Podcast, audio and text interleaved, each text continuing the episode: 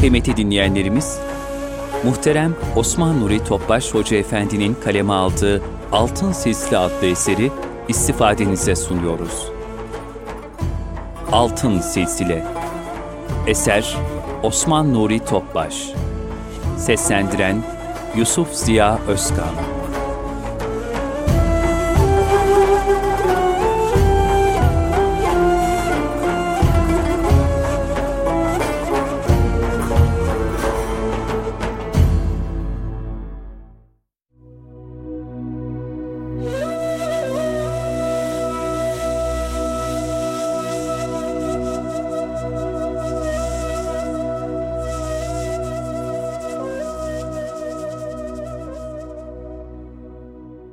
seher vakitleri.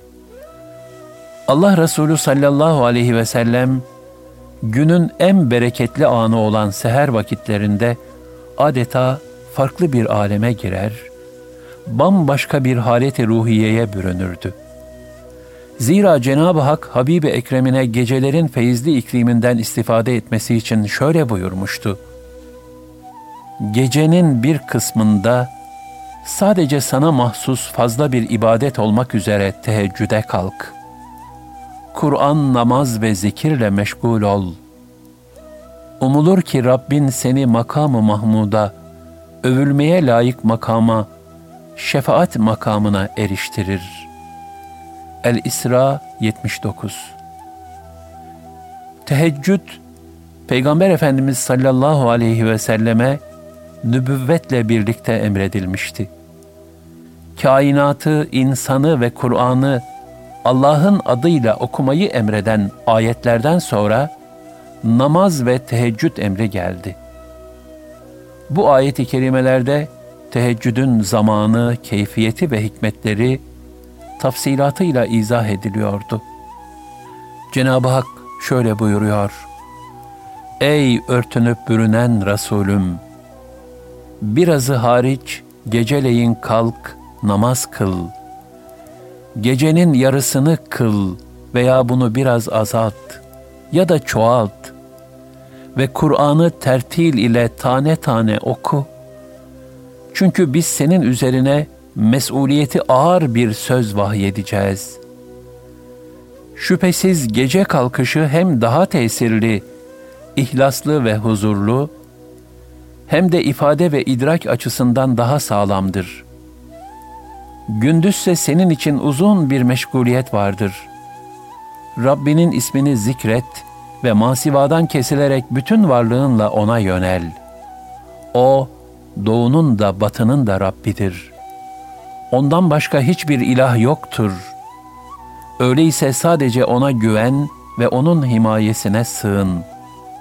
O inançsızların söylediklerine sabret ve onların yanından güzellikle ayrıl.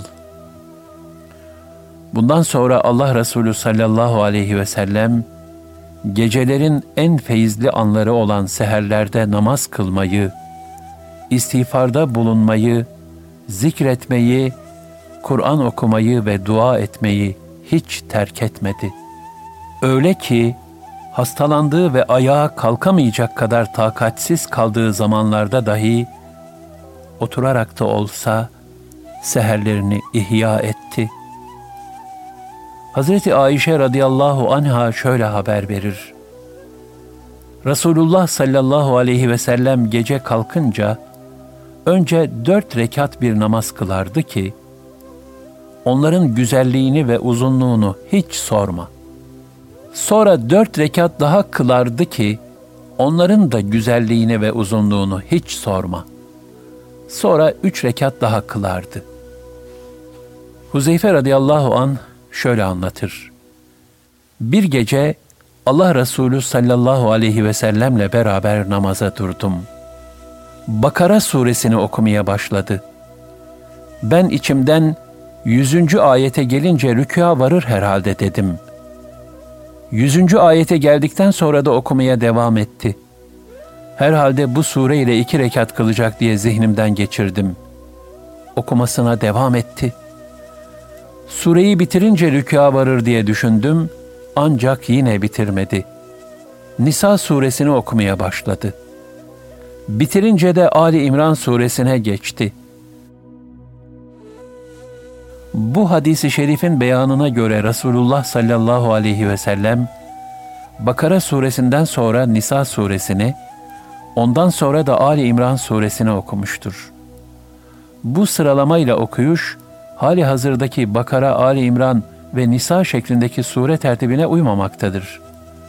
Hadis şarihleri bunun hikmetini iki şekilde izah etmişlerdir. Birincisi, o zamanlar henüz surelerin tertibi son şeklini almamıştır. İkincisi de bu sıralamayla okumanın da cevazını göstermek içindir. Ağır ağır okuyor, tesbih ayetleri geldiğinde Sübhanallah diyor, dua ayeti geldiğinde dua ediyor, istiaze ayeti geldiğinde de Allah'a sığınıyordu. Sonra rükûa vardı. Sübhane Rabbiyel Azim demeye başladı.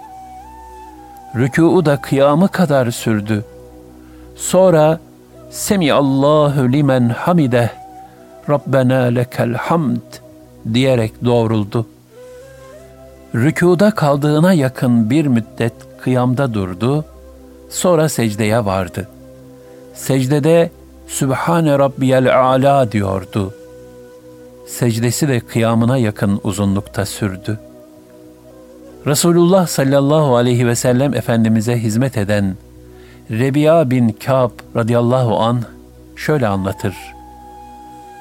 Resul-i Ekrem sallallahu aleyhi ve sellem Efendimizin kapısının yanında geceler ona abdest suyunu verirdim.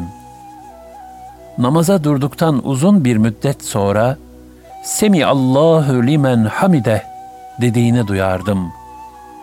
Gece uzun bir müddet de Elhamdülillahi Rabbil Alemin dediğini duyardım.'' Bu rivayet Allah Resulü sallallahu aleyhi ve sellem Efendimizin teheccüd namazını ne kadar derin bir huşu ve huzur içinde ve uzun uzun kıldığını açıkça ifade etmektedir. Rebi'a radıyallahu an diğer bir rivayette de şunları anlatır. Resulullah sallallahu aleyhi ve sellem akşam evine girdiğinde belki bir ihtiyacı olur diye kapısında beklerdim.'' Efendimizin durmadan Sübhanallah, Sübhanallah, Sübhanallahi ve bihamdihi dediğini işitirdim. Nihayet yorulur ve geri dönerdim. Veya gözlerime uyku basardı da yatıp uyurdum.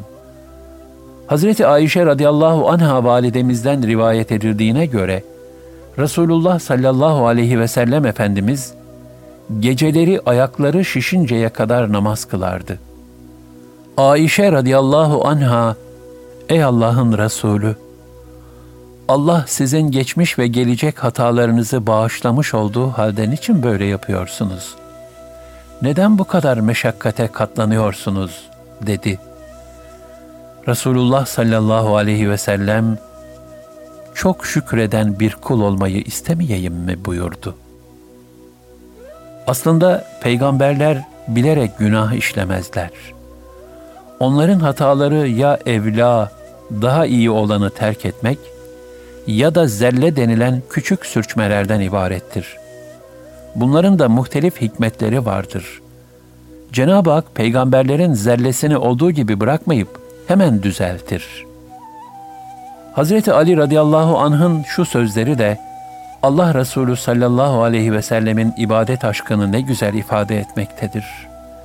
İyi biliyorum, Bedir günü Allah Resulü sallallahu aleyhi ve sellem hariç hepimiz uyumuştuk. Resul-i Ekrem Efendimiz ise sabaha kadar bir ağacın altında namaz kılıp gözyaşı dökmüştü. Ayşe radıyallahu anha şöyle buyurur. Resulullah sallallahu aleyhi ve sellem rahatsızlık gibi bir sebeple gece namazı kılamadığında ertesi gün 12 rekat namaz kılardı.'' Amr bin Abese radıyallahu anh der ki, bir gün ey Allah'ın Resulü, Allah'a biri diğerinden daha yakın olan saat var mıdır? dedim. Evet, Rabbin kula en yakın olduğu vakit, gecenin son kısmının ortasıdır. eğer o saatte Allah'ı zikreden kimselerden olmaya gücün yeterse ol buyurdular. Ebu Osman en-Nehdi de şöyle der. Ben Ebu Hureyre'ye yedi gece misafir oldum. Ebu Hureyre radıyallahu an hanımı ve hizmetçisi geceyi üçe bölüp birer kısmında nöbet tutuyorlardı. Nöbetçi olan gecenin üçte birinde namaz kılıyor, sonra diğerini uyandırıyordu.''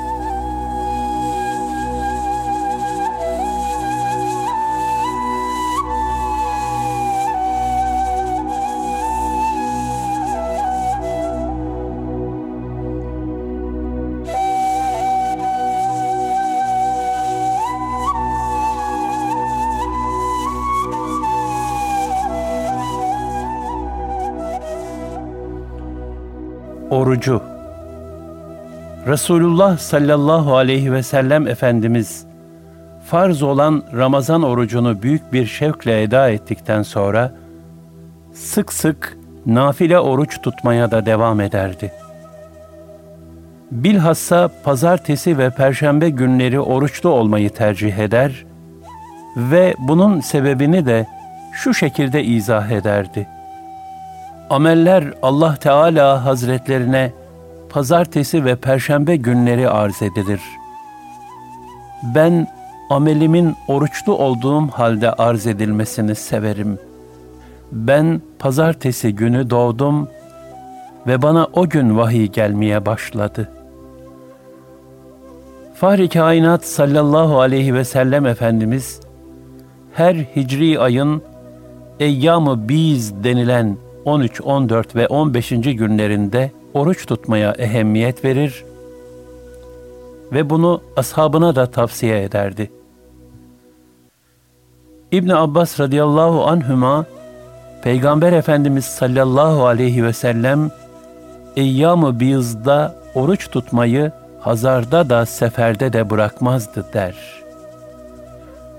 Allah Resulü sallallahu aleyhi ve sellem Şevval ayından altı günü oruçla geçirir, Muharrem'in 9-10 veya 10-11. günlerinde aşure orucu tutardı.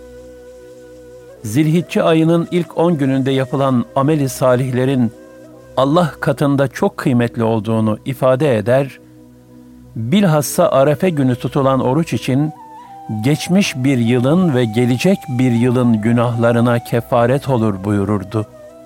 Vefat edinceye kadar hiç oruç tutmadan geçirdiği bir ay olmamıştı. Bilhassa Şaban ayının çoğunu oruçlu olarak geçirirdi. Bazen savmı visal tutar, yani iftar etmeden peş peşe birkaç gün oruçlu olur, fakat asabının böyle yapmasına müsaade etmezdi.''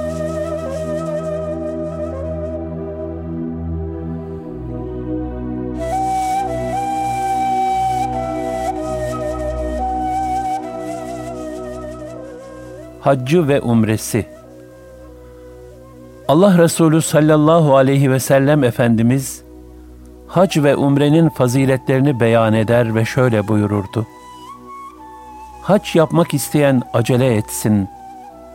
Olur ki insan hastalanır, bineği kaybolur veya bir ihtiyaç zuhur eder. Umre ibadeti, önceki umre ile aralarında işlenen küçük günahlara kefaret olur.